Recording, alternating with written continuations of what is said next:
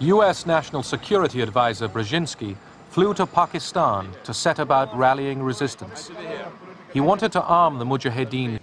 We know of their deep belief in God, and we are confident that their struggle will succeed.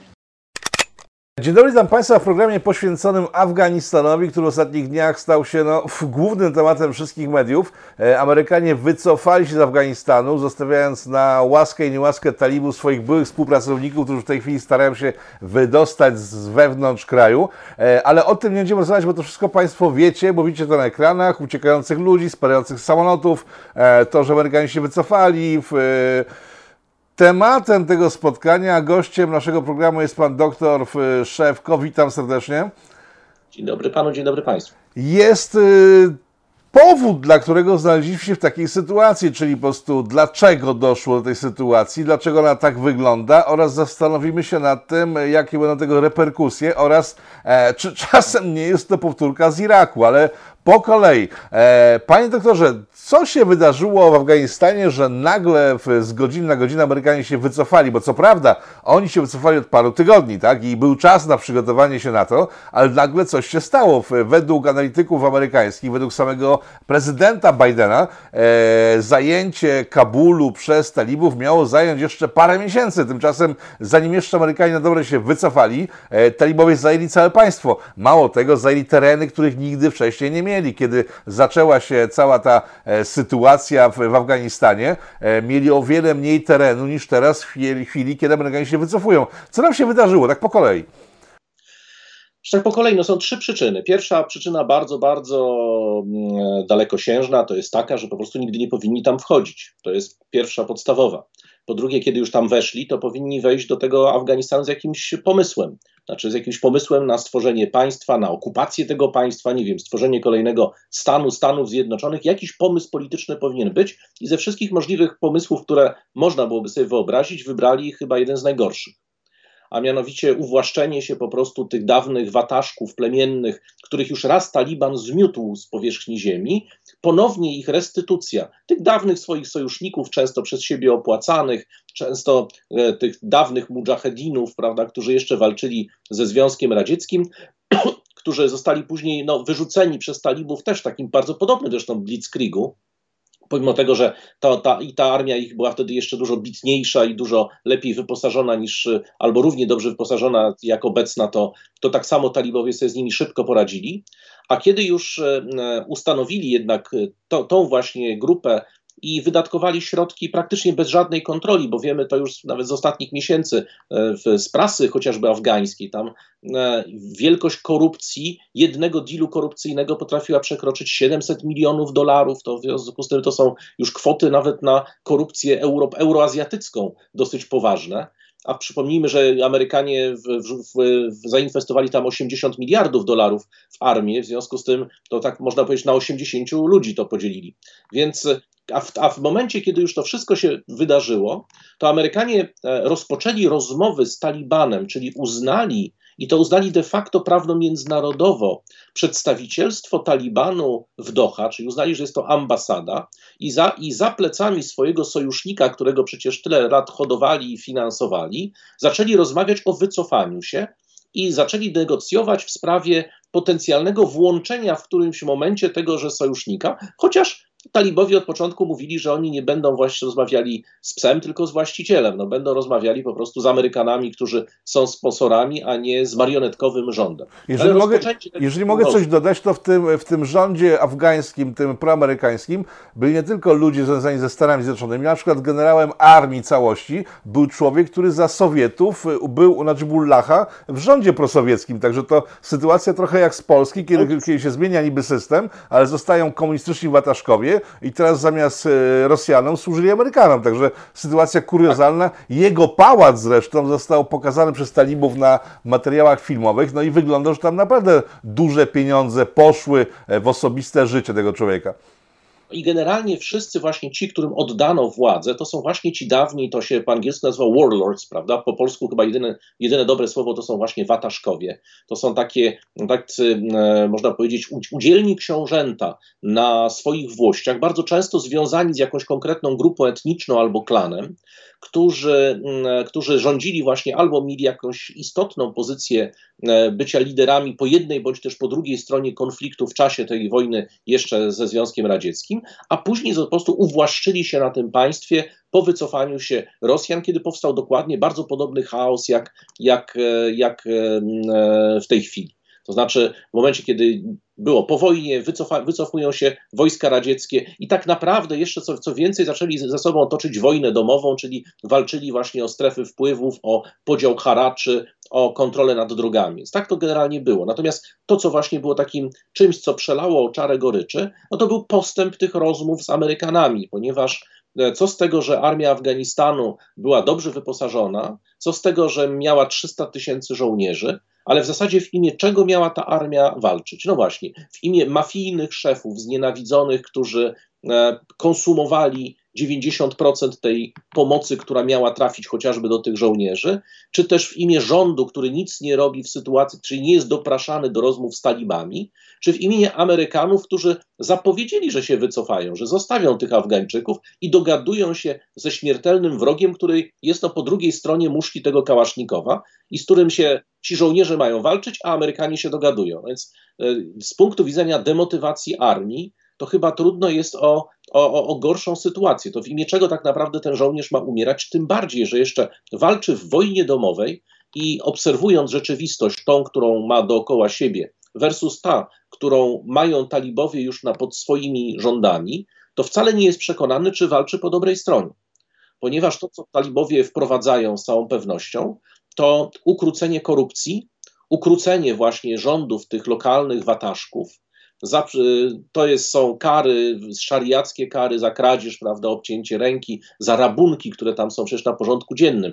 Ludzie, mieszkańcy Kabulu mają broń, dlatego ponieważ po prostu każdy band, to jest tak podobnie w Pakistanie, no przy granicy, każdy ma broń, bo bandyta najpierw strzeli mi w głowę, a potem zapłaci 50 dolarów łapówki policjantowi i nic mu nie będzie. W związku z tym te, z czymś takim talibowie kończą i co więcej, talibowie e, od pewnego czasu, czyli mniej więcej od dwóch lat, bardzo dojrzale politycznie, już nie występując jako siła partyzantów brodatych, schodzących gdzieś tam z gór, gdzie jedynym towarzyszem życia była przysłowie, przysłowiowa koza, e, stali się e, rzeczywiście politykami o powiedzmy formacie międzynarodowym. Prawdopodobnie to było również dzięki pewnej edukacji prowadzonej przez ich sponsorów, czyli przez takie państwa jak Katar, czy tak zwane, jak to ładnie dzisiaj rosyjski MSZ powiedział, fundusze islamskie z Zatoki, czyli krótko mówiąc Zjednoczone Emiraty Arabskie, Arabia Saudyjska, Wahhabici z Arabii Saudyjskiej, plus Katar, który jest standardowym sponsorem wszystkich możliwych ruchów terrorystycznych na świecie i to robi oficjalnie.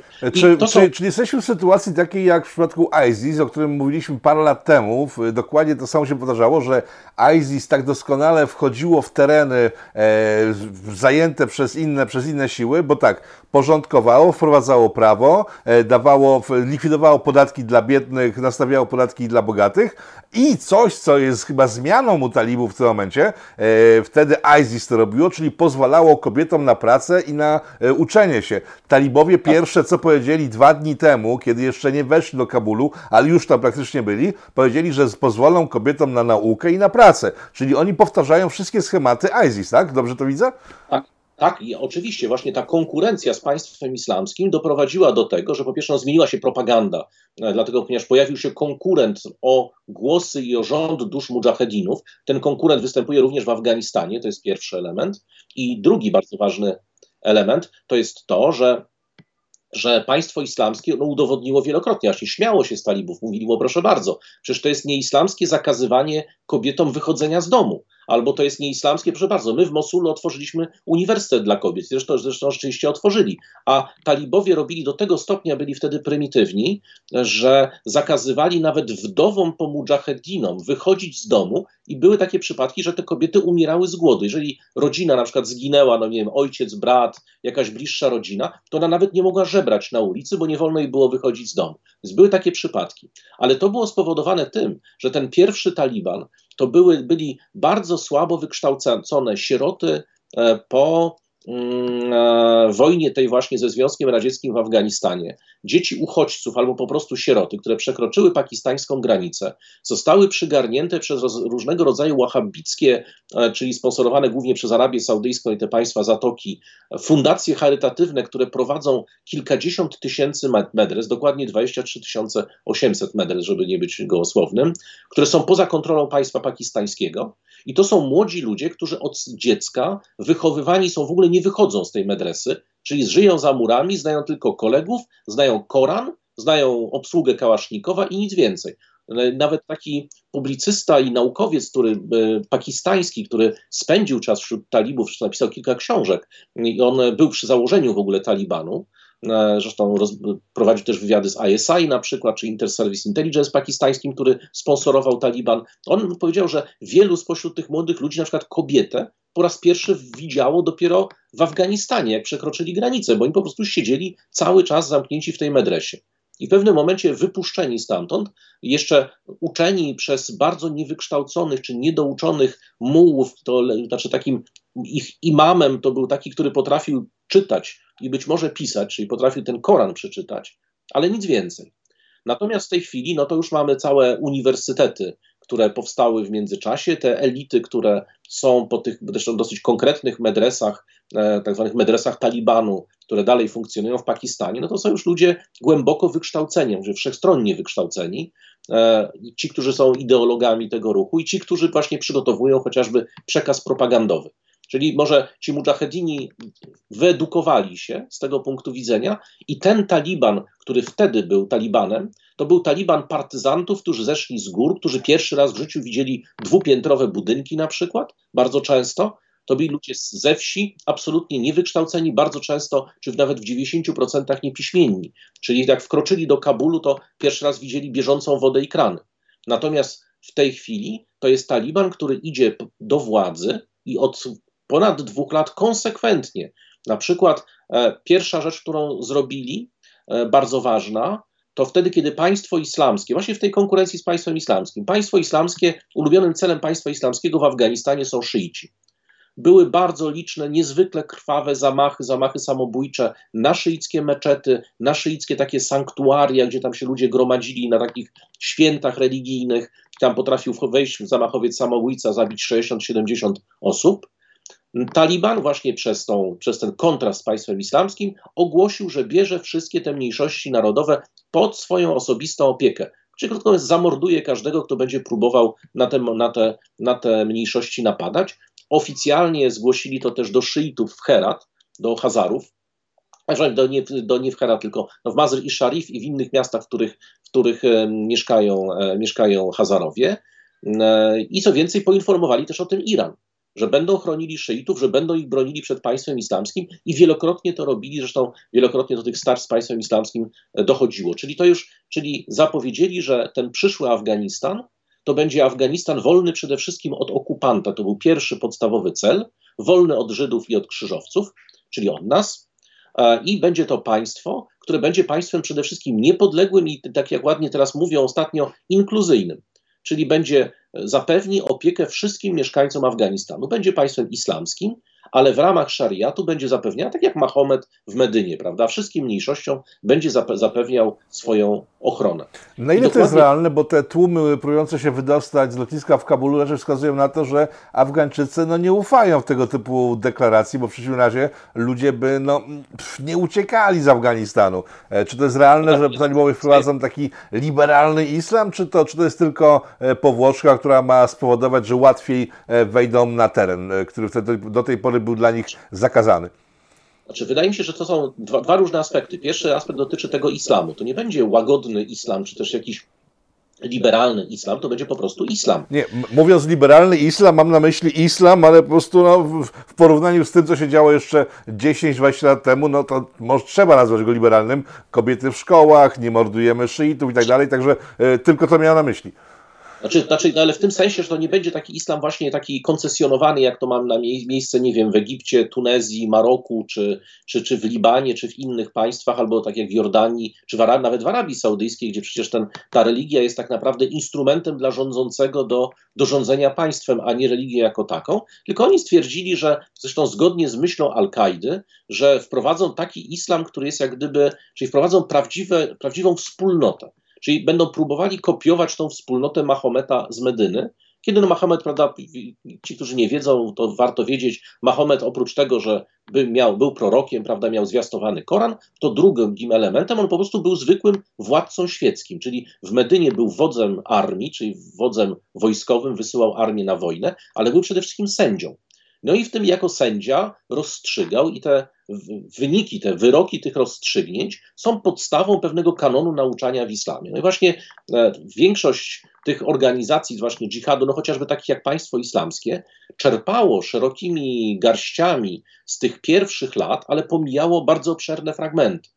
No na przykład taliban pakistański, żeby daleko nie szukać, pomijał fragment dotyczący nigdy nie toczenia wojny z dziećmi, prawda? Już a potrafił wymordować pół szkoły e, w Pakistanie dzieci muzułmańskich. Tam nie było żadnych ateistów, innowierców i tak dalej. W związku z tym tutaj Taliban absolutnie jest pryncypialny. Oczywiście to są elity i to są deklaracje. Na ile będą w stanie panować nad wszystkimi swoimi oddziałami rozproszonymi, jednak o niejednolitym dowództwie, znaczy o rozproszonym systemie dowodzenia, to zobaczymy. Ale przynajmniej te podstawowe deklaracje są takie, jakie są. Ale po co?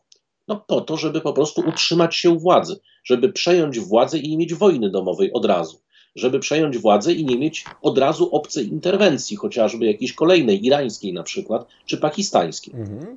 A czy o tym, że dochodzi do mordów, dzisiaj już wiadomo, są materiały to pokazujące, ale generalnie ludność Afganistanu wygląda na zadowoloną, tak? E, byli przygotowani na przyjęcie ta talibów. E, widziałem takie materiały, kiedy to wojskowi, rządowi w armii afgańskiej oddawali swoje oddziały i tutaj ciekawostka, nie że po prostu przekazywali je na, na twarz, tylko podpisywali protokół zdania swojego oddziału. Ilu żołnierzy, ile broni, jak, jakie mają e, zadania, co potrafią robić i ci talibowie przejmowali całe jednostki dopiero po podpisaniu papieru. To jest niesamowite w takiej sytuacji, jaką obserwujemy w tej chwili w Afganistanie.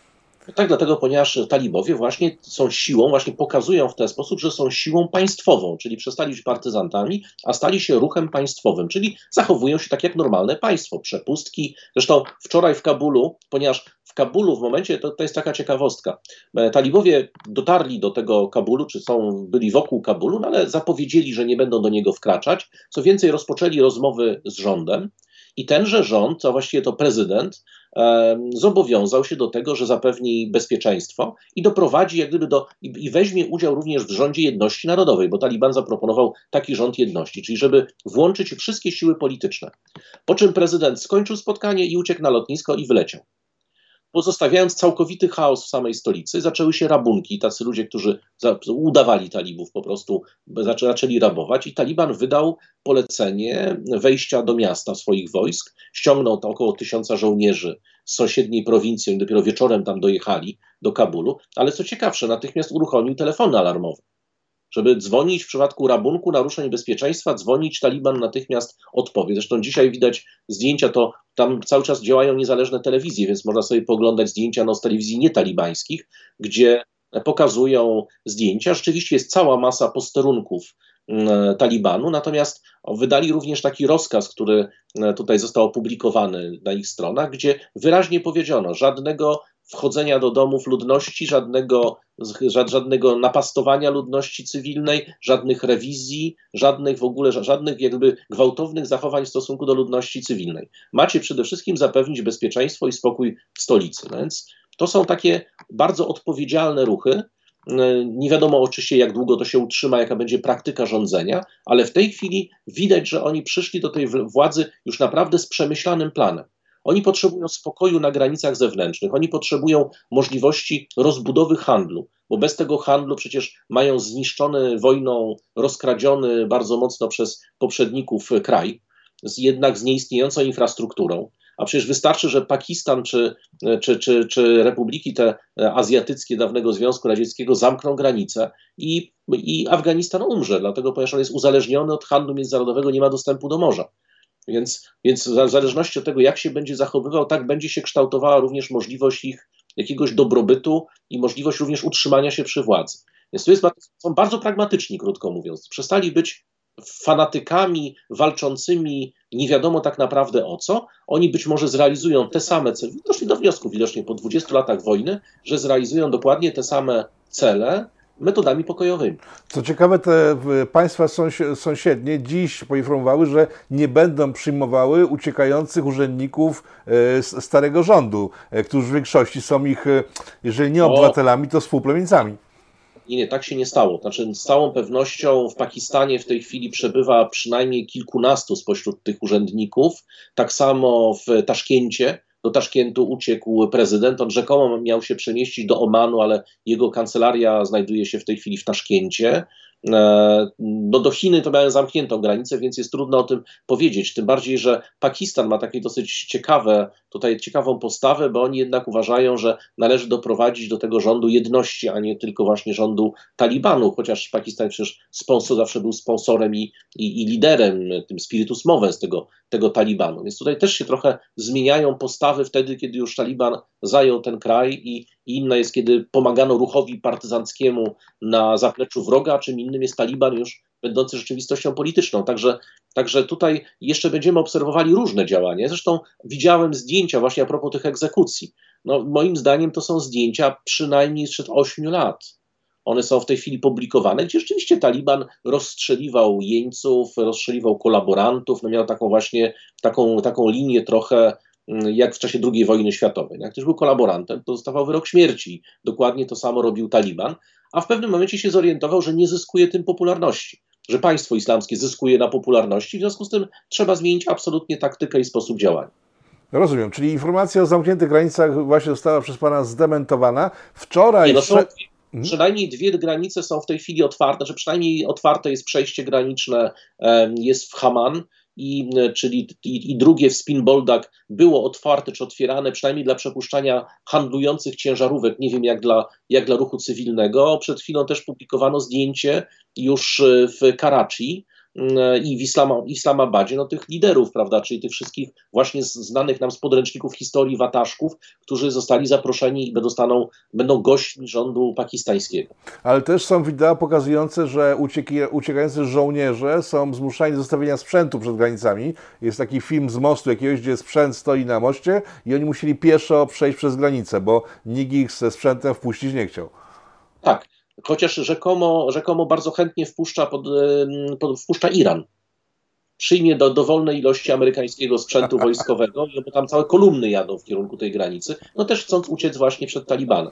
A Jednak pro... ci żołnierze nie do końca ufają. Prawda, mhm. A propos sprzętu, bo ta sytuacja, która miała miejsce dwa dni temu i trzy dni temu i tydzień temu, bo ta sytuacja trwa już od kilku tygodni, e, kiedy to talibowie wkraczali do baz zostawieni przez Amerykanów i znajdowali tam masę sprzętu wojskowego, czy ona czasem przypomina tej sytuacji sprzed kilku lat, kiedy to w Iraku Amerykanie uzbroili najpierw miejscową armię, e, następnie zostawili ich samych sobie i ISIS przejęło cały ten sprzęt. Czy to czasem nie jest e, myśl amerykańska mówiąca w ten sposób, że zostawiamy sprzęt na miejscu, żeby oni dalej prowadzili e, wojnę domową i w finale będziemy musieli znowu interweniować, żeby to uspokoić. Jest jakaś analogia między tymi sytuacjami z Iraku, kiedy to przypomnę, że ISIS e, wybuchło nagle, rozrosło się na bazie tego sprzętu. E, czy to jest analogia, czy, czy to zbyt daleko posunięte skojarzenia? Znaczy na pewno analogie, analogia jest jedna armia. To znaczy tak samo jak armia iracka. No, armia iracka doszła do wniosku, że nie będzie w imieniu, e, już nie będę mówił jak oni mówili brzydko o swoim rządzie w Bagdadzie, e, w tych złych ludzi w Bagdadzie, nie będzie po prostu dla nich ginąć. Przecież tak było tak, że dwie dywizje pancerne w pełni wyposażone przez Amerykanów zostawiły, to, zostawiły cały sprzęt. Ja pamiętam, jak było skrzętnie ukrywane, jak się oburzali niektórzy polscy e, koncesjonowani publicyści, kiedy zadawano pytania albo w ogóle pisano o tym, ile tego sprzętu państwo islamskie zdobyło. Pamiętam, że jak tak dawkowano informacje, 300 Humvee, no 400. Potem się okazało, że już półtora tysiąca. W finale ponad 2000 było zostawione. Tak, tak, 2400 bodajże. Po prostu państwo islamskie pokazało zdjęcia. No te zdjęcia nie były podrabiane. Stojące, nowiutkie, często jeszcze zafoliowane częściowo te Humvee z pełnym uzbrojeniem. I państwo islamskie co zrobiło? Zdobyło te Humvee i natychmiast, zresztą Humvee, haubice również. Abramsy? E, takie, Abramsy, ale głównie właśnie te transportery opancerzone i te Humvee pojechały natychmiast do Syrii. I tak jak sobie nie mogli dać rady z przełamaniem e, oporu Asada, no to 15 haubic, które były wyjątkowo precyzyjne, akurat jeszcze sterowane GPS-em, doprowadziły do tego, że oni z marszu zdobywali kolejne umocnione twierdze armii Asada i kolejne pułki, które miały wysokie morale. No, walczyli do końca i później byli mordowani przez państwo islamskie też do końca, ale po prostu nie byli w stanie jednak no, nieporównywalne. No, sprzęt z lat 50. versus jednak sprzęt z lat 2000 robił swoje. I tutaj, więc ale tak samo właśnie armia iracka uciekała na piechotę. Armia iracka porzucała sprzęt, armia iracka się poddawała, armia iracka pozostawiła Mosul. Przecież przypomnijmy, to jest miasto, które takie trzy czwarte Warszawy praktycznie. I, a rząd porzucił tam bank centralny, zasoby złota, które były przecież w banku centralnym w Mosulu i tak dalej. Tutaj mamy podobną sytuację, tyle tylko, że jeszcze dużo bardziej zdemoralizowano tą armię. Zresztą ja czytałem takie przejmujące wpisy różnych dowódców wojskowych, bo oni też mają Twittera, mają Telegram, piszą takie rzeczy, zostali zdradzeni. Na przykład to właśnie ów generał Dostum pisał, że tam są, zdaje mi się, to wyglądało w ten sposób, że on przecież tego Mazr i Sharif, gdzie on ma jednak tą swoją twierdzę i tych swoich e, zwolenników e, i był w stanie się kiedyś bronić bardzo długo przed Talibanem i to skutecznie, a tutaj się okazało nagle, że jego komandosi zostali sami, a armia dostała z Kabulu rozkaz złożenia broni. Się okazało, że, że na skrzydłach nie ma nikogo, bo wszyscy złożyli broń już Talibanowi, więc on tam ledwo, ledwo zdążył chyba z setką komandosów e, uciec. Mówimy o tym jest... generale, który rządził jeszcze w czasach rosyjskich. To tak, ta osoba, która, tak, która zostawi to bogate siedlisko swoje. E, wczoraj tak. była jakaś konferencja szefa talibów. Tak mi się wydaje, że był szef talibów, a na pewno jeden z założycieli e, w, w, talibów. E, starszy pan, który siedział i, był, i mówił, że są w szoku, i to widać po nim, bo nawet okulary zdjął, że są w szoku, że w, nagle w, tak łatwo zdobyli cały Afganistan. Tak. Jak, jak, to można, jak można tłumaczyć jego, jego zdziwienie? No, był zdziwiony, dlatego, ponieważ on zakładał jednak, że ta armia rządowa się będzie broniła. Tutaj ta armia rządowa e, uciekła, ale uciekła dlatego, ponieważ uciekli przede wszystkim ci liderzy. Znaczy, oni nie czekali, nie chcieli brać udziału w takich scenach, jak, jak, jakich brali, biorą udział w tej chwili ich urzędnicy i współpracownicy. No, z drugiej strony mieliśmy, ja też się trudno dziwić, oni raczej zakłada, pamiętają jaki los spotkał Najibullaha, czyli tego e, prezydenta z czasów, e, lidera z czasów, e, czasów radzieckich, gdzie go Taliban po prostu za, za nogi prawda, rozstrzelał, powiesił gdzieś na latarni. Mm, więc, więc oni niespecjalnie wierzyli zapewnieniom talibów. No a z drugiej strony, no powiedzmy sobie szczerze, no Amerykanie dali dobry przykład. Przecież słynna baza Bagram, ta ostoja obecności amerykańskiej w regionie, w nocy porzucona bez nawet poinformowania Afgańczyków. Skąd się dowiedziano? No bo zaczęli bandyci rabować, tam wywozić jakiś sprzęt, stoły, krzesła i dopiero wtedy się świat dowiedział, że Amerykanie zostawili w ciągu jednej nocy swoją strategiczną bazę. No więc jeżeli taki przykład, jeżeli widać, że, że jeszcze prezydent Biden mówi, że się szybciutko wycofamy, przed 11 września już nas tutaj nie będzie, no to tak naprawdę na co mieli czekać? Mieli czekać na sprawiedliwość Talibanu, czy mieli, mieli dostatecznie duże majątki zgromadzone z, no właśnie, zapewne, zapewne z pensji urzędniczych, i teraz uciekają i będą sobie gdzieś tam żyli spokojnie, tak jak wielu innych dyktatorów z wielu innych krajów. Mhm. Ta baza pod Kabulem to nie jest taka zwykła baza, bo to jest, ogrom, to jest ogromny teren. To są dziesiątki hektarów y, otoczone drutami kolczastymi, kiedyś pilnowane przez drony, zaminowane i tak dalej. E, to, że Amerykanie zostawili to sami sobie. Przechodzimy do tematu, myślę, kluczowego. E, jak wpływa to, co się dzieje w Afganistanie na obraz USA? Bo to jest kolejny raz w ciągu ostatnich lat bardzo spektakularny E, kolejny raz, e, kiedy to Amerykanie porzucają swoich sojuszników. Przypomnę Kurdów sprzed e, kilku lat, których zostawił Trump z kolei, tylko tam nie było tak spektakularnych sytuacji później. Tutaj zostawiono całe państwo, bo Kurdowie, małe plemię, gdzieś tam po prostu nie wiadomo gdzie, a tutaj w ocz, na oczach całego świata Amerykanie nie dość, że zostawiają swoich sojuszników, e, których pompowali miliardy dolarów, tam chyba 80 miliardów, z pamiętam, e, padała suma, e, zdradzają rząd, z którym, e, który stworzyli tak naprawdę, e, wycofują się, i do tego wszystkiego mają obrazki jeden do jednego, jak z Saigonu z roku 75, kiedy to słynne helikoptery pobierały e, ludzi uciekających z ambasady. I tutaj jeden do jednego mamy takie same zdjęcia, mimo że Biden jeszcze parę dokładnie tygodni temu mówił, że tam do takiej sytuacji nie dojdzie. Właśnie wspominał, że to nie będzie Saigon, a Saigon przy tym to chyba pikuś w ogóle jest z helikopterami zabieranych tak samo powiedział, że armia, że Taliban nie jest porównywalny z armią północno-wietnamską, że w ogóle coś takiego nie będzie. No i właśnie oglądaliśmy sceny, nawet bardziej przerażające, bo w Saigonie nie było ludzi odpadających od tych helikopterów, prawda, a tutaj mamy jeszcze, i to się pewnie nie skończyło w tym Kabulu na lotnisku, to dantejskie sceny zresztą, e, e, śmigłowce bojowe Apache używane do rozganiania ludzi, ci ludzie czepiający się kół startujących samolotów, pięć osób zastrzelonych prawdopodobnie przez Marines, i to, ale to chyba nie, nie pomogło. To, to, to, to strzelanie, no to są wszystko sceny, które się cały czas dzieją, a Taliban sobie spokojnie na to pozwala, żeby nie było wątpliwości, talibowie się wcale nie spieszą, oni nie potrzebują tych dysydentów, oni jakby nie potrzebują krwawych ofiar, tym bardziej, że być może Wśród tych ludzi, którzy uciekają, prawdopodobnie są pracownicy bezpieczeństwa. Prawdopodobnie, gdyby się okazało, że byłyby robione jakieś tam śledztwa, nawet niezależne, to mogliby zostać skazani, to w związku z tym byliby męczennicy, byłoby mówione, że Taliban się mści, a tak oni sobie po prostu spokojnie wszyscy uciekną, wyjadą z kraju, nie będą robili w tym kraju kłopotu, z którym Taliban inaczej no, musieliby ich, nie wiem, wsadzać do więzień, robić śledztwa, właśnie procesy, no nie mógłby ich uniewinniać, gdyby się okazało, że jednak są winni jakichś zbrodni. No, też pamiętajmy, no, Amerykanie, wojna w Afganistanie była wojną niezwykle okrutną.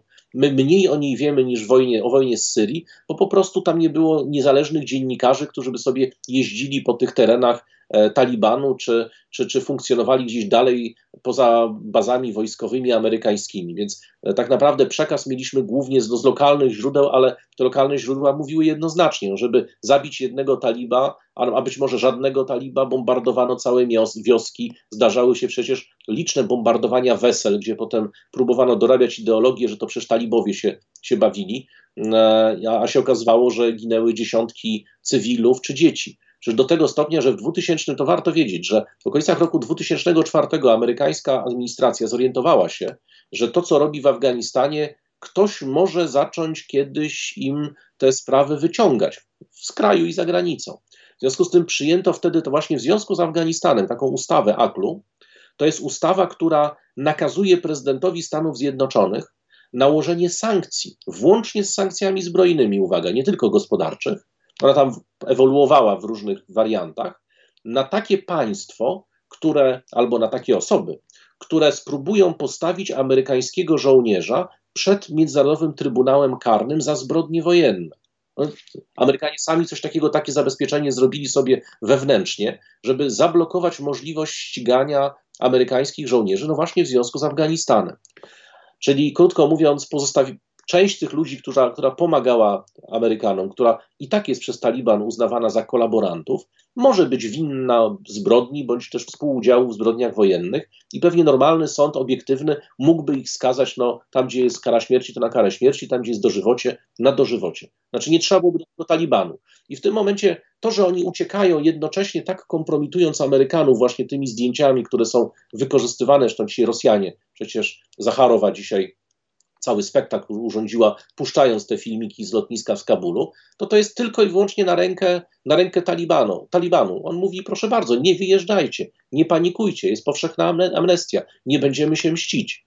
No, jeżeli ktoś tak ucieka, to znaczy, że widocznie albo ma, to, to ma rzeczywisty powód, bo my nie będziemy się na, my chcemy właśnie przeciwników naszych politycznych zaprosić do jednego rządu. Proszę zobaczyć, jaki to jest silny komunikat propagandowy versus no, brak jakiegokolwiek komunikatu ze strony Amerykanów.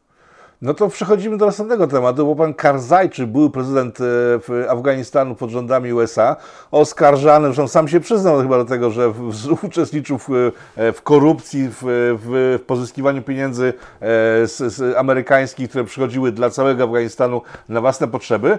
Wczoraj takie wideo opublikował, które było dość przerażające tak naprawdę, bo stoi sobie mężczyzna z trójką dzieci, córeczek, czy wnuczek chyba, małych dziewczynek ubranych po europejsku i mówi, że on zostaje i zdaje się na łaskę i niełaskę talibów. I to według mnie taki miernik, przed tym pisałem zresztą, że to, co się z nim stanie, pokaże, w którym kierunku zmierza Afganistan. I patrzymy parę godzin później, pan Karzai jest w Radzie, e, która ma zaprowadzić pokój razem z talibami. Jaka będzie jego rola w tej, tej całej sytuacji? Znaczy, Taliban musi doprowadzić, jeżeli chce, to musimy się patrzeć z perspektywy Talibanu. Taliban, jeżeli chce skutecznie rządzić Afganistanem, musi zlikwidować sobie zbrojną opozycję. Czyli nie może doprowadzić do tego, że będzie gdzieś prowadził wojnę. Musi doprowadzić do takiej sytuacji, w której, jeżeli nawet jeżeli będzie siłą dominującą i konstytucyjnie, w cudzysłowie konstytucyjnie, rozstrzygnie sobie e, formę ustrojową, to tak naprawdę on wcale nie musi rządzić. Ja czytałem pisma Al-Kaidy i również pisma Talibanu, podobnie zresztą jak Hayat Tahrir al-Sham. To jest ideologia Al-Kaidy, mówi o tym, że my nie chcemy rządzić. My chcemy, żeby system był systemem islamskim. Jeżeli będzie wiele frakcji, to my będziemy jedną z frakcji, która będzie starała się dbać o to, żeby ten system szariacki, prawda, żeby ten emirat był prawdziwie islamskim państwem. Ale to nie, jest, nie oznacza, że ma to być państwo jednej partii, na przykład takiego Talibanu. I prawdopodobnie tak zresztą będzie, więc dla nich ten, ten Karzaj, wszyscy politycy opozycji, którzy zostali, oni jednocześnie delegitymizują wszystkich tych, którzy uciekli. Bo jeżeli ci, którzy uciekli, będą próbowali robić jakieś legiony zagraniczne, czy w Pakistanie, czy, czy gdzie, gdziekolwiek indziej, to ich e, jak gdyby wpływ na własne partie, z których pochodzą, będzie prawdopodobnie żaden, bo te partie zostaną w jakiś sposób włączone do tego procesu politycznego w Afganistanie. Jeżeli nie będą zamachiwały się w jakiś sposób na, na ten właśnie system islamski, jeżeli nie będą e, pracowały otwarcie na rzecz obcego któregoś mocarstwa, na przykład Stanów Zjednoczonych, czy, czy na przykład Pakistanu, czy, czy Indii, tak jak rząd e, właśnie chociażby Karzaja też, no to, to, to, to prawie na pewno talibowie na to pozwolą. To jest dla nich dużo tańsza, znaczy to jest, to jest cena dla nich spokoju i cena możliwości e, rządzenia w dobrobycie, no versus konieczność prowadzenia dalej walki zbrojnej i partyzanckiej, tym razem przeciwko niedobitkom, niedobitkom tego dawnego reżimu. No ale jak dzisiaj widzieliśmy wideo syna prezydenta, który uciekł e, za granicę, ten syn wypuścił takie wideo, kiedy to z, z ekipą swoich e, nie przyjaciół nie wyglądali na żołnierzy, ponieważ to wyglądało bardziej, że panowie z bankietu wyszli i wskakują do helikopterów i tam ogłosił, że właśnie rusza tworzyć partyzantkę e, antytalibską. Czy e, Afganistanowi grozi wojna domowa, dalszy ciąg wojny domowej, bo ta wojna trwa, przynajmniej po prostu od do, kilku dobrych dekad, ale czy e, ta sytuacja, która ma teraz miejsce, to już może być koniec zamieszania zamieszania wokół Afganistanu, czy wręcz przeciwnie jest to początek, a czy, czy to jest dalsza część de facto konfliktu, który obserwujemy od kilku dekad? Znaczy, wydaje mi się, że mm, przynajmniej na razie, jeżeli Taliban będzie rządził tak, jak zapowiada, że rządzi, że będzie rządził, to bez wsparcia zagranicznego, znowu ręcznego, przerzucania jakiejś broni, dostarczania materiałów, te oddziały partyzanckie, nawet jeżeli powstaną, będą po prostu nieliczne, a przede wszystkim nie będą miały zaplecza w lokalnej ludności. No bo ci partyzanci nie będą funkcjonowali w miastach, gdzie jest najwięcej prozachodniej prozachodnich e, mieszkańców, tylko będą prawdopodobnie gdzieś chciały funkcjonować w górach. No to na tych wsiach, jakby nie było, mm, ludzie po prostu popierają Taliban, w związku z tym sami ich dostarczą do najbliższego, zwiążą i dostarczą do najbliższego posterunku Talibanu. Chyba, że Taliban rozpocznie rządy opresji, no to wtedy sam sobie wyhoduje tą partyzantkę. Właśnie na tym prawdopodobnie będzie polegała ta mądrość Talibanu. Ja cały czas zaznaczam, o ile będą robili to wszystko tak jak dalej, jak robią, bo być może władza uderzy do głowy po pięciu minutach, zmienią się całkowicie. Ale prawdopodobnie oni mają tak już wewnętrzne te mechanizmy kontroli między sobą, że przynajmniej liderom tak szybko się to nie pozmienia. No, oni już mają, są dość, mają doświadczenie, no jakby nie było, no, kilkudziesięciu lat nawet wojny partyzanckiej, więc oni prawdopodobnie też mają trochę dosyć mieszkania cały czas pod chmurką. Mm, I prawdopodobnie będą starali się przynajmniej tak prowadzić te, to, te, to państwo, żeby wszelkiego rodzaju opozycja była jednak opozycją e, niezbrojną. Mhm. A to już będzie ogromny sukces jak na Afganistan. Okej. Okay. Analitycy, analitycy wskazują, że największym przegranym całej tej sytuacji są Indie. Dlaczego Indie? No dlatego Indie, ponieważ tak naprawdę mm, geostrategicznie Indie dzięki temu, że miały ze sobą zaprzyjaźniony rząd w Afganistanie, a Pakistańczycy co chwila publikowali informacje o tym, jak to kolejni agenc, agenci indyjscy, prawda, czyli tego skrzydła analityczno-wywiadowczego, czyli RAF, e, albo organizują oddziały Talibanu, ale tego Talibanu antypakistańskiego, które przekraczają granice, albo też po prostu e, wspierają Afganistan we wszystkich wrogich działaniach przeciwko Pakistanowi. Czyli Pakistan, krótko mówiąc, to była jedna zresztą z motywacji, z dwóch motywacji stworzenia Talibanu, miał perspektywę w przypadku wojny z Indiami, a ta wojna już parę razy wisiała na włosku, mm, e, miał perspektywę walki na, na dwa fronty. Z jednej strony z państwem afgańskim, tak czy inaczej wyposażonym, ale na pewno wiążącym pewne siły, a przecież od Islamabadu do granicy, już nie pamiętam ile jest, ale tam się ja pamiętam, że jechałem chyba z dwie godziny samochodem i to takimi złymi drogami, więc tam jest, tam jest bardzo niedaleko. To prawdopodobnie armia byłaby w stanie w ciągu jednego dnia ten Islamabad z, z terytorium Afganistanu osiągnąć. A z drugiej strony przecież tam jest takie zwężenie, jak gdyby, czy to jest wąski taki ten Pakistan. No Lahore jest praktycznie pod samą granicą indyjską. W związku z tym uderzenie z dwóch stron oznacza koniec Pakistanu.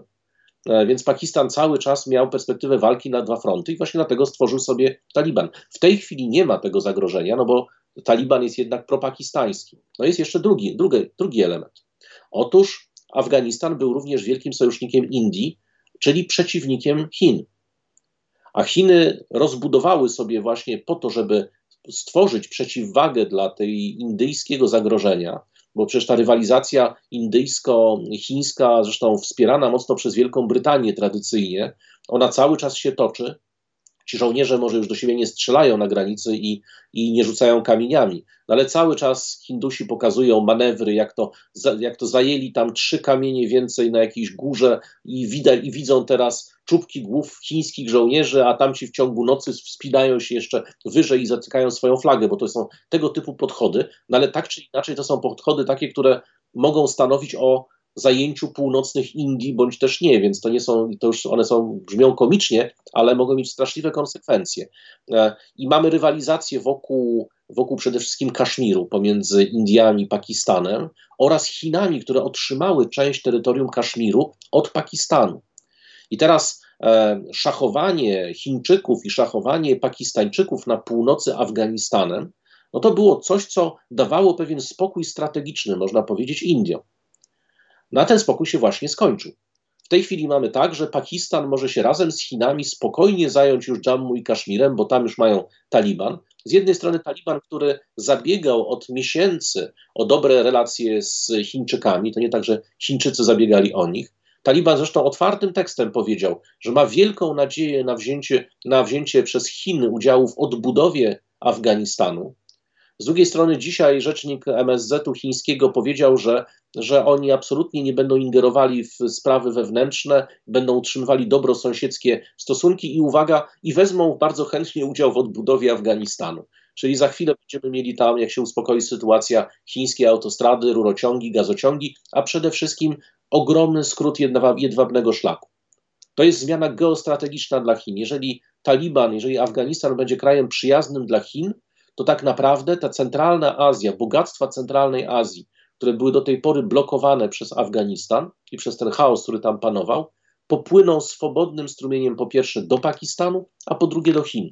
To są surowce przede wszystkim. Przecież Chiny mają gigantyczne potrzeby energetyczne i już nie będą musieli wozić sobie tego gazu i ropy przez wokół Indii, które mogą im zablokować to, przez cieśninę Ormus, która może zostać zablokowana przez Amerykanów i wojnę amerykańsko-irańską, tylko mają genialny skrót do Iranu właśnie, do, do Republik Środkowej Azji i oto tak naprawdę toczy się ta druga wielka gra, bo to jest przyczyna, czy praprzyczyna całego tego konfliktu wokół Afganistanu. No Amerykanie się wycofują z tego Afganistanu, popełniają niestety geopolityczne, popełnili geopolityczne harakiri, bo z jednej strony rzeczywiście była to, był to worek bez dna, to była niewy, wojna nie do wygrania, konflikt asymetryczny z ludnością absolutnie wrogą, Taliban, który ze siły dżihadu staje się ruchem narodowo-wyzwoleńczym, walczącym z okupacją, a ta zmiana percepcji jest bardzo istotna z punktu widzenia poparcia społecznego. Czyli krótko mówiąc, Amerykanie tam mogli zostać i jeszcze ginąć, bombardować, wydawać pieniądze, ale wycofując się, no tak naprawdę oddali centralną Azję. Oddali Chińczykom, oddali, proszę zobaczyć, jaka radość w, w Teheranie. Przecież co to znaczyły wojska amerykańskie w Afganistanie? Znaczy, że armia lądowa amerykańska jest na granicy chińskiej na granicy Iranu. W tej chwili na granicy Iranu nie ma armii amerykańskiej, na lądowej. Znaczy jest oczywiście na granicy irackiej, ale już nie ma perspektywy walki na dwa fronty. Nie ma perspektywy chronienia swojej przestrzeni powietrznej od rajdów amerykańskich bombowców startujących z bazy Bagram. Teraz już zostają tylko i wyłącznie bazy w Arabii Saudyjskiej, które pewnie Iran by zniszczył w ciągu jednego dnia. W związku z tym to są tego typu zmiany. Chińczycy mają tak samo, no już nie mają armii lądowej amerykańskiej na swojej granicy. Teraz Amerykanie mają najbliżej do nich z Tajwanu. No albo z Korei Południowej muszą sobie pójść, prawda, przez Koreę Północną, co nie będzie takie proste, więc krótko mówiąc, to jest zmiana geostrategiczna. Jeżeli oczywiście Taliban się utrzyma, to ja dzisiaj dyskutowałem z jednym specjalistą, zresztą z Pakistanu, i żeśmy doszli do wniosku, że, że to jest tak, że jeżeli Taliban dotrzyma tych swoich obietnic, to będzie ogromną stabilizującą siłą w tej części świata. No niestety stabilność w tej części świata wcale nie jest na rękę Amerykanom. Właśnie na rękę Amerykanom był chaos w Afganistanie i permanentna wojna. Paradoksalnie. Dla, dlaczego? Dlatego, ponieważ to blokowało te wszystkie mocarstwa. No, blokowało tak jakby w cudzysłowie od wspólnej granicy. Tak, jeżeli jeżeli Afganistan staje się państwem neutralnym życzliwie, to mamy taką w cudzysłowie e, pomost albo granicę chińsko-irańską.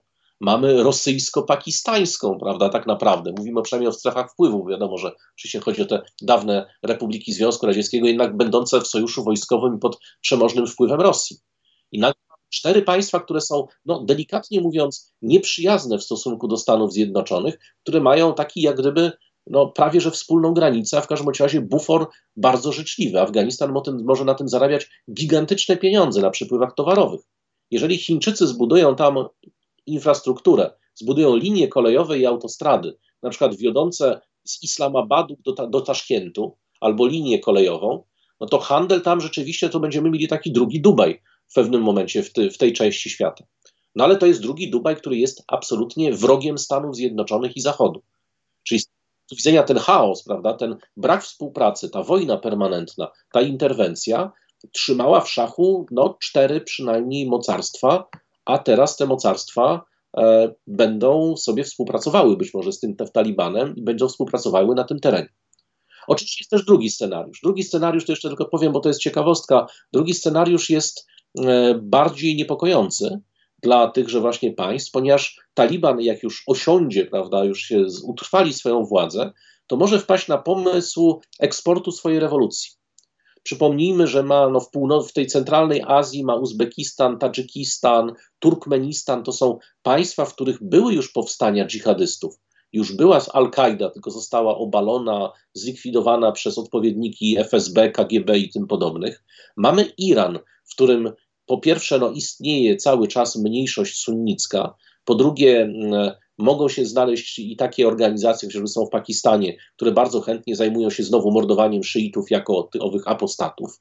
Mamy przecież dokładnie talibów i odrodzonych talibów, zresztą wypuszczonych przed chwilą z więzienia, talibów pakistańskich, których z gigantycznym, gigantycznymi poświęceniami, wielką operacją wojskową Pakistan sobie wyrzucił, ale oni zaczęli ostatnio odżywać. I te terytoria plemienne, które znajdują się, te pasztuńskie terytoria plemienne, które znajdują się po stronie pakistańskiej, ten Pasztun Belt, jak to się nazywa, ten past pasztuński, on jest gotowy w każdej chwili od Pakistanu się oderwać. On jest gotowy w każdej chwili na, na e, rewitalizację e, Talibanu. No i to jest ten pas właśnie skąd Taliban pochodzi, gdzie są te medresy, gdzie państwo pakistańskie do niedawna nie obowiązywała przecież konstytucja pakistańska, to były tak zwane terytoria federalne, tylko administrowane przez Pakistan. I, I przecież to było tak, czy w Waziristanie, czy w Dolinie Swat po prostu rządził Taliban ten Taliban pakistański. On wyrzucił kilkukrotnie armię pakistańską stamtąd. Co więcej, w Pakistanie też znajdzie się bardzo wielu w tych regionach centralnych zwolenników takiego Talibanu. Więc tutaj zagrożenie jest bardzo poważne i dla Chin też, ponieważ przecież przy granicy z Afganistanem, czy w kierunku od granicy z Afganistanem, mieszkają Ujgurzy. Ci Ujgurzy już są w tej chwili zinfiltrowani przez organizację Al-Kaidy. E, co prawda, Chińczycy bardzo rzadko publikują w ogóle, że tam się u nich cokolwiek dzieje, no ale Al-Kaida publikuje bardzo dużo. Jest takie czasopismo, e, co prawda ono jest niestety wydawane w języku ujgurskim, więc jest trochę ciężkie do czytania, ale jest też na przykład w Urdu, to już jest łatwiej, e, które publikuje właśnie informacje o zamachach, o atakach partyzanckich na wojska chińskie już na terytorium Chin. I teraz wyobraźmy sobie, że ta, ta, ci Ujgurzy będą, wrócą z Syrii Północnej do, do Afganistanu, skąd zresztą są, bo tam zostali przerzuceni przez Turcję z Afganistanu, oni wrócą. No tych, którzy w tej chwili są, znajdują się w północnej Syrii, to jest 8 do 10 tysięcy. Oni mają broń pancerną, mają artylerię, oni to są weterani wojny. Jeżeli Assad wyrzuci ich z północnej Syrii, to wrócą pewnie na granicę chińską.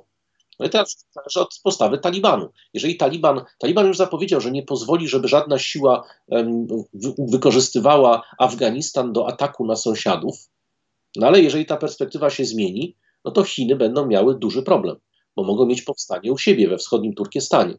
Oczywiście pewnie Chińczycy je stłumią, pewnie brutalnie, pewnie bardzo skutecznie, no ale to jest gigantyczny problem polityczny, geostrategiczny, a też pamiętajmy, że jest parę krajów, które chętnie zasponsorują takie powstanie na terenie Chin i są gotowe iść na pomoc z odsieczą, takie jak na przykład Turcja już zapowiedziała, czy chociażby Katar, czyli sponsor, czyli sponsorowie sponsorowi Talibanu. No właśnie miałem spytać o Turcję, bo to co Pan mówi to pokazuje, że Taliban może stać się takim centrum nowego muzułmańskiego ładu i to na pewno nie jest za rękę w Turcji. Jak się Turcja w tym wszystkim odnajduje w tej chwili? No, Turcja próbowała odgrywać tutaj jakąś rolę, ponieważ Turcja zaproponowała Amerykanom, że oni, no, oni sobie załatwią wszystko z talibami i oni wyślą swoje wojska i te wojska będą zabezpieczały właśnie Kabul, lotnisko, ambasady. W związku z tym Amerykanie, czy jakby wypełnią pustkę po Amerykanach, oczywiście pod warunkiem, że Amerykanie A zapłacą za to i B zapewnią tam wsparcie logistyczne, czyli pewnie samoloty, dostawy i tym podobne rzeczy. E, na Taliban tego samego dnia, kiedy Erdogan to powiedział, powiedział, że absolutnie nie życzy sobie żadnych obcych wojsk i absolutnie żadnych wojsk tureckich, tym bardziej, że jeżeli Turcja zapomina, to jest członkiem NATO, który właśnie okupuje terytorium Afganistanu i właśnie z nim, e, czyli z NATO, e, talibowie walczą. No Erdogan wielokrotnie jednak w ogóle ignorował te komunikaty, twierdził, że to zrobi, no ale teraz dzisiaj widzimy, że wojska tureckie pewnie trzeba byłoby ewakuować w taki sam sposób, jak tych ludzi z lotniska, gdyby się tam pojawiły. Oni oczywiście liczyli na to, że przerzucą sobie tych kilkanaście tysięcy dżihadystów e, z Syrii, no ale ja przypuszczam, że ci dżihadyści z Syrii prędzej przejdą na stronę Al-Kaidy i Talibanu, niż będą walczyli w imię państwa NATO i Amerykanów przeciwko braciom muzułmanom. To jednak musieliby szukać już takich typowych najemników, a najemnicy tam e, no, słabo sobie radzą w tej części świata, krótko mówiąc. Więc to, ale to jest Turcja. Turcja oczywiście coś takiego próbowano i oczywiście prezydent Turcji, który uważa, ponieważ uważa, że e, Ujgurzy są ludem tureckim, a w związku z tym on mówi właśnie jeden, jedno państwo, wiele narodów, tak? czyli wiele narodów tureckich, a liderem ich ma być państwo tureckie. Nawet Orbana zaprosił do, na takie spotkanie właśnie. Uznał, że właśnie, że Węgrzy to też jakiś tam naród kiedyś turecki albo koło Turków mieszkał, siedział, czy coś takiego. Więc krótko mówiąc, krótko mówiąc on ma taką, taką ideę fixa, to sprzedaje wewnętrznie. Oczywiście podjął takie starania, tylko że te starania spełzły na niczym. Ale na pewno będzie próbował coś z tym Talibanem jeszcze negocjować i robić, przy czym nie sądzę, żeby Taliban się na to zgodził. Taliban się teraz, Taliban pokonał dwa największe mocarstwa świata. Jeszcze się nie mierzył tylko z Chińczykami. W związku z tym, że nigdy ich nie będzie, nie, będzie, nie będą najeżdżali. No ale w związku z tym pokonał Amerykanów, nie bał się bombardowań amerykańskich, na całą pewnością nie, nie przelęknie się osmański. Mm -hmm. Dwa ostatnie pytania. Pierwsze dotyczy e, wspólnoty międzynarodowej, bo coś, co zadziwia tak naprawdę, to to, że wiedząc o tym, co się szykuje w Afganistanie po wycofaniu e, wojsk amerykańskich, nikt, ale to kompletnie nikt się na to nie przygotował. Unia Europejska jest zdziwiona jak zwykle. E, ONZ powiedział, że zajmie się tą sprawą w najbliższym czasie, ale jak się obserwuje profile internetowe ONZ-u, to bardziej zajmują się globalnym ociepleniem niż to i to stricte, bo to są w nocy, kiedy ludzie na tym lotnisku czekali na samoloty, ONZ na swoim Twitterze puścił serię materiałów o globalnym ociepleniu. Gdzie w tym wszystkim wspólnota międzynarodowa? Czy w ogóle ONZ ma jeszcze sens y, i rację bytu? Znaczy, powiedzmy sobie szczerze, Organizacja Narodów Zjednoczonych ma taką jedną zasadę, o której czasami zapomina, ale to jest w imię politycznych interesów niektórych członków suwerennej równości państw. To jest podstawowa zasada pryncypium. Suwerenna równość oznacza zakaz wtrącania się w, sprawy wewnętrzne. ONZ praktycznie od wojny koreańskiej chyba wtrąca się permanentnie w sprawy innych państw, ale tych państw, które łamią konwencję. Natomiast w tym przypadku mamy do czynienia jednak z wojną domową. I to jest wojna domowa, czyli formalnie ONZ nie powinien się wtrącać do momentu, dopóki, no właśnie, na przykład terytorium Afganistanu nie stanie się źródłem agresji na inne państwa, tak jak właśnie była to agresja Al-Kaidy, powiedzmy, na Stany Zjednoczone, choć było to mocno, mocno naciągane, bo jak wiemy, ta Al-Kaida mieszkała gdzie indziej, kto inny ją sponsorował, a w Afganistanie znajdowały się głównie jej historyczne siedziby i niektórzy członkowie to tak naprawdę, gdyby, gdyby Amerykanie chcieli bombardować siedzibę Al-Kaidy, to musieliby zacząć od, e, od Pakistanu, a skończyliby na Arabii Saudyjskiej i pewnie paru niemieckim miejscowościom by się dostało, bo przecież ci, ci dżihadyści szkolili się i mieszkali w Niemczech i mówili po niemiecku niektórzy, w związku z tym to, to tam były źródła Al-Kaidy, a nie akurat w Afganistanie. No ale Afganistan był wdzięcznym miejscem, coś trzeba było zbombardować. Czyli krótko mówiąc, Organizacja Narodów Zjednoczonych powinna się tym zająć, jeżeli stwierdzi, że to zajmie się Rada Bezpieczeństwa, jeżeli stwierdzi naruszenie międzynarodowego pokoju i bezpieczeństwa, bo po to ONZ jest. Nie, wszystkie inne rzeczy to jest taka dodatek, który powstał w praktyce międzynarodowej. Natomiast Karta Narodów Zjednoczonych miała zapobiegać III wojnie światowej, miała zapobiegać wojnom jako takim, albo doprowadzać do tego, żeby te wojny były nieuznawane, aneksje terytorialne nieuznawane, wprowadzenie sankcji przeciwko agresorowi. To miało odstraszać państwa od rozpoczynania wojen. I to cała ONZ. Cała reszta, prawda, to są jakieś takie dodatki i marginalia, więc być może ONZ do tego jeszcze wróci, tylko wróci trochę konsekwentnie. Więc z tego punktu widzenia absolutnie ONZ nie musi się tym specjalnie zajmować. Natomiast jeśli mówimy o to, o to zaskoczenie i zdziwienie, czy państw europejskich, czy Stanów Zjednoczonych, to w Polsce też no, są różnego rodzaju tak zwani nadworni analitycy, którzy piszą takie analizy, jakie jest zlecenie polityczne. To zresztą można sobie prześledzić, kto opowiadał o tym, że Taliban w ogóle został pokonany, że budujemy tam cudowne społeczeństwo, że Afgańczycy się sami obronią, że przecież wyszkoliliśmy ich żołnierzy. No, pytania o to, co my tam tak naprawdę robimy, to jest zdrada stanu Rzeczypospolitej Polskiej. Nie wolno absolutnie o tym mówić, bo narazimy bezpieczeństwo naszych żołnierzy, że wykonujemy zobowiązania sojusznicze. No takie właśnie opowieści niestety są czymś charakterystycznym dla współczesnych państw. Ja czytałem taką analizę amerykańską, która mówi o tym, że nieszczęście polega na tym, że w tej chwili większość analiz, e, takich, które są sponsorowane przez państwo, jest prowadzone przede wszystkim właśnie na, jak gdyby dla udowodnienia pewnej tezy politycznej. Czyli jeżeli teza polityczna jest taka, że no, wyszkoliliśmy armię, która się sama obroni, to w tym momencie te, ci analitycy piszą, no właśnie uzasadniamy, dlaczego ona się obroni, zamiast napisać, czy ona się obroni. To jest takie właśnie niewolnictwo sponsorowanych e, różnego rodzaju analiz. I no niestety Unia Europejska i Stany Zjednoczone już kilkukrotnie uwierzyły we własną propagandę polityczną. A nawet jeżeli ktoś nie wierzył, to i tak prawda, tego głośno nie powiedział.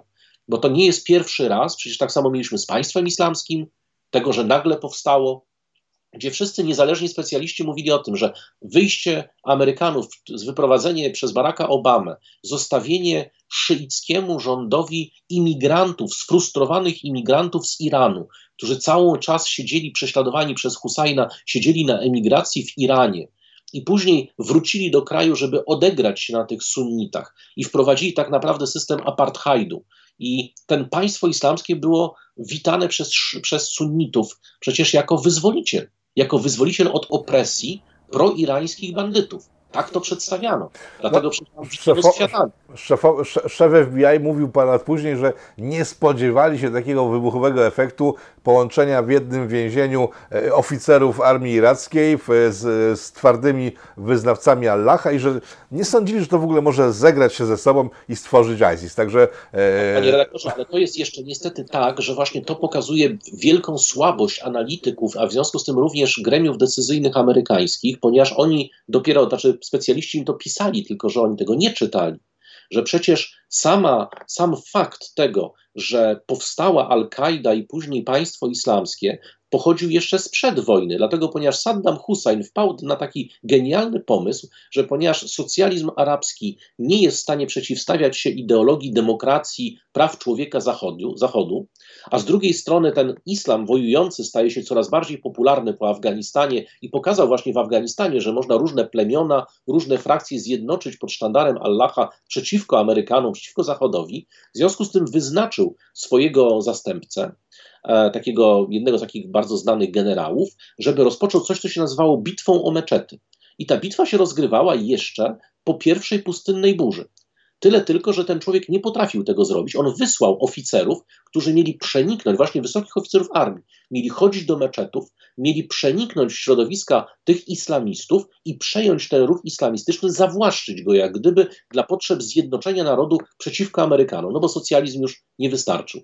Tyle tylko, że on to jak gdyby, ponieważ on był w takiego, z takiej sekty Naszkabandi, w związku z tym on w ogóle nie rozumiał tego, co się tam dzieje, i w rezultacie tego właśnie ci oficerowie, wszyscy wysłani, przeszli na stronę Al-Kaidy, przeszli na stronę tych islamistów. I później oni zostali wyrzuceni z armii, i potem to oni właśnie stanowili te elity organizacji tych, które później znamy jako państwo islamskie, bo to byli oficerowie bardzo wysokiego szczebla, w randze generała wywiadu, zastępcy generała wywiadu na przykład wojsk lotniczych, jakiegoś tam głównego sapera armii, też chyba pułkownika. Oni wszyscy wyrzuceni, spotykali się towarzysko, założyli sobie organizację, weszli w skład takiego jednego konglomeratu kilkunastu organizacji dżihadystycznych. Amerykanie wymordowali tą elitę Al-Kaidy międzynarodową i nagle się okazało, że Abu Bakr al-Baghdadi, doktor al-Qurashi, lider tej organizacji właśnie, gdzie on miał samych takich wojskowych weteranów, takich takich e, byłych oficerów wywiadu, nagle się okazało, że jest jedynym żyjącym, najstarszym liderem i po prostu został w naturalny sposób liderem Al-Kaidy w Iraku. I właśnie nagle, no i panowie zaczęli wciągać kolegów, kolejnych oficerów, kolejnych generałów, kolejne jednostki. I nagle się okazało, że stało się to opozycją wewnątrz armii. To taka prosta rzecz, ale to było opisywane już w książkach przez specjalistów wcześniej, kiedy analizowano chociażby przypadki, przypadek upadku Saddama Husajna. Więc albo było drobnym drukiem, albo pan szef FBI nie doczytał, albo właśnie to jest, ta, to jest ten grzech, który jest opisywany bardzo często, braku e, tak naprawdę rzetelnych, niezależnych analiz lub przywiązywania do nich wagi. Ale tu się pojawia jeszcze jedna kwestia, która gdzieś cały czas wisi nad nami od przynajmniej dwóch dekad czy to faktycznie jest kwestia ignorancji, czy to jest kwestia chcieństwa, to co się wydarzyło na Bliskim Wschodzie i w Afryce Północnej, bo ta, ta, ta, ta demokratyzacja no nie poszła, no nie pykło, no po prostu nie ma jak spojrzeć gdzie, żeby to nie zakończyło się jedną wielką klęską Zachodu. I teraz tak, czy to jest kwestia ignorancji świata zachodniego, czy to, bo wiele osób wskazuje, że jakiś może być spisek, że to musi być jakaś logika. Pan stawia, że po prostu to jest ignorancja i chcieństwo to jest bardzo często ignorancja i chcieństwo, ale niestety jest to również pewna wada systemu demokratycznego, a już szczególnie wada systemu amerykańskiego, takiego, gdzie zwycięzca bierze wszystko.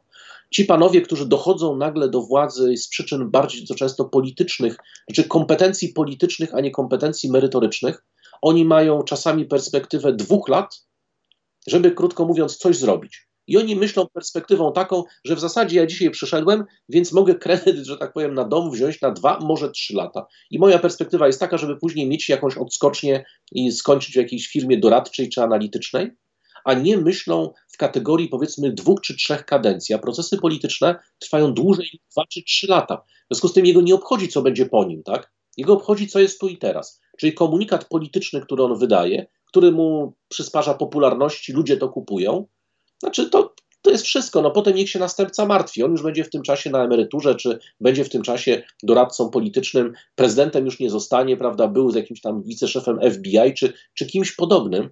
E, tym bardziej, że zwykle te ekipy jednak jak się zmieniają, a jeszcze są dwie kadencje, to, to rzadko jest tak jak teraz z Bidenem, że ta ekipa jeszcze z Obamy, Obamy prawda, mogła razem, razem z nim przyjść. Zresztą jak widać, ta ekipa, chociaż są fachowcami od Bliskiego Wschodu, no pogubiła się w sprawie Afganistanu całkowicie, co też pokazuje, powiedzmy, to, że oni już chyba odpadli trochę od rzeczywistości politycznej. A takie państwa właśnie, czy takie organizacje jak Al-Kaida, takie państwa jak, jak Rosja, takie państwa jak Chiny czy Iran, które mają bardzo perspektywę ci liderzy, ale również urzędnicy mają perspektywę rządzenia Na przez całe osiem- dekady. Oni po prostu mówią o dekadach, co będzie za 100 lat, co będzie za Oczywiście, 200 on lat, w ten może- sposób funkcjonują. On rozpoczyna dzisiaj intrygę, która ma przynieść, przynieść dwie, za dwie kadencje jakieś owoce. A tutaj, a tu Amerykanie nastawiają się właśnie na taki szybki zysk. Ten zysk jest często zyskiem po prostu marketingowym. Zresztą to tak jest też podobnie w polityce europejskiej. No mało kto ma perspektywę trzech kadencji rządzenia, czyli możliwość pozwolenia sobie na jakieś strategiczne plany, a tam te strategiczne plany przeciwnicy właśnie snują. Tak, tak, E, tak. dobrze, dziękuję w takim razie bardzo dzisiejsze spotkanie. Myślę, że wyjaśni wiele spraw zostały wyjaśnione. E, jeszcze kwestia imigrantów, którzy pojawiają się już e, na granicach Europy jest myślę bardzo ciekawa, ale to już chyba temat na kolejne spotkanie. E, panie doktorze, dziękuję bardzo. Państwa i moim gościem był dr Wojciech Szewko. Dziękuję bardzo.